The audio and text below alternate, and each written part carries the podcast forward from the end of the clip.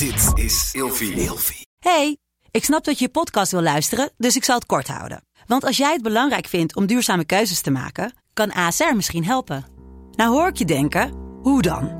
Nou, bijvoorbeeld bij het duurzaam herstellen van schade. Of de premies die we beleggen volgens ons duurzaam beleggingsbeleid. Dat bepaalt waar we wel en juist niet in investeren. Wil je meer weten over welke duurzame keuzes ASR maakt? Ga dan naar asr.nl slash duurzame keuzes. ASR doet het. Zo, dan kan je nu lekker naar je podcast luisteren. Vroeger.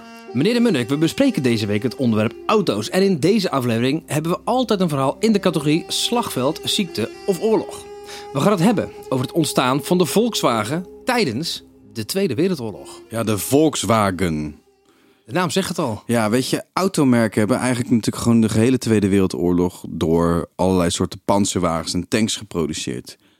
Ehm, Hitler wilde bijvoorbeeld heel snel Tsjechoslowakije binnenvallen om de Skoda-fabrieken over te nemen. Skoda-fabrieken die bouwden een tank. Dat wordt de, de Panzer 38T genoemd. En die tank, dat was geen hoogvlieger, maar dat was gewoon een prima ding. Eh, die deed het. En die hadden ze nodig om Rusland aan te vallen. Nou, weet je, ehm, er zijn ook heel veel bekende Duitse autofabrikanten die dus tanks ontwierpen. Porsche bijvoorbeeld, die heeft allerlei tanks ontworpen. Dat zei jij ja. Ja, eh, Heel Hi- raar. naarmate Hitler steeds gekker in zijn hoofd werd, wilde hij ook steeds grotere tanks en, en echt reusachtige dingen. Gewoon onhaalbaar op de tekentafel. En toch probeerden deze ingenieurs dus continu hem ja, te pleasen door dus de raarste ontwerpen te maken. Waardoor Van dus- Porsche of in ja, ja, ja, ook van Porsche, ja. En ze, krijgen, ze hebben ook allemaal katachtige namen. Een Tiger Tank, een eh, Elephant, dus een, dan een olifant. De, de Ferdinand Elephant. En je had eh, de Maus, een muis, een hele grote muis. Dat is natuurlijk dat is de allergrootste tank ooit, gem- ooit gemaakt, maar die noemen ze dan Muis. Maar waarom dan de Volkswagen? Ja, dat komt dus door de kracht door Freude. Ze wilden eh, een wagen voor het volk. Hitler die gaf een soort ontwerpwedstrijd en die zei van... joh, luister, maak nou eens gewoon een auto die 100 km per uur moet kunnen gaan...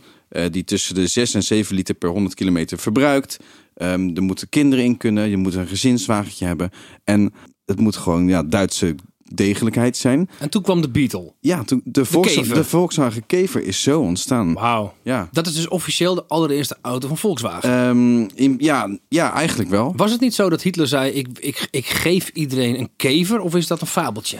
Ja, dat is een fabeltje. Want uiteindelijk moesten mensen dus een soort van aandelen kopen. En ze konden op een soort lijst om die auto's te bestellen.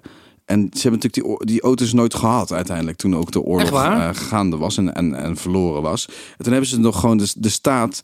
eh, een soort rechtszaak hebben ze aangespannen. En uiteindelijk zijn ze dus tot aan ehm, ja, de late jaren 70, dacht ik... zijn er nog mensen zelfs eh, te- ja, vergoed om hun geld een soort van terug te krijgen.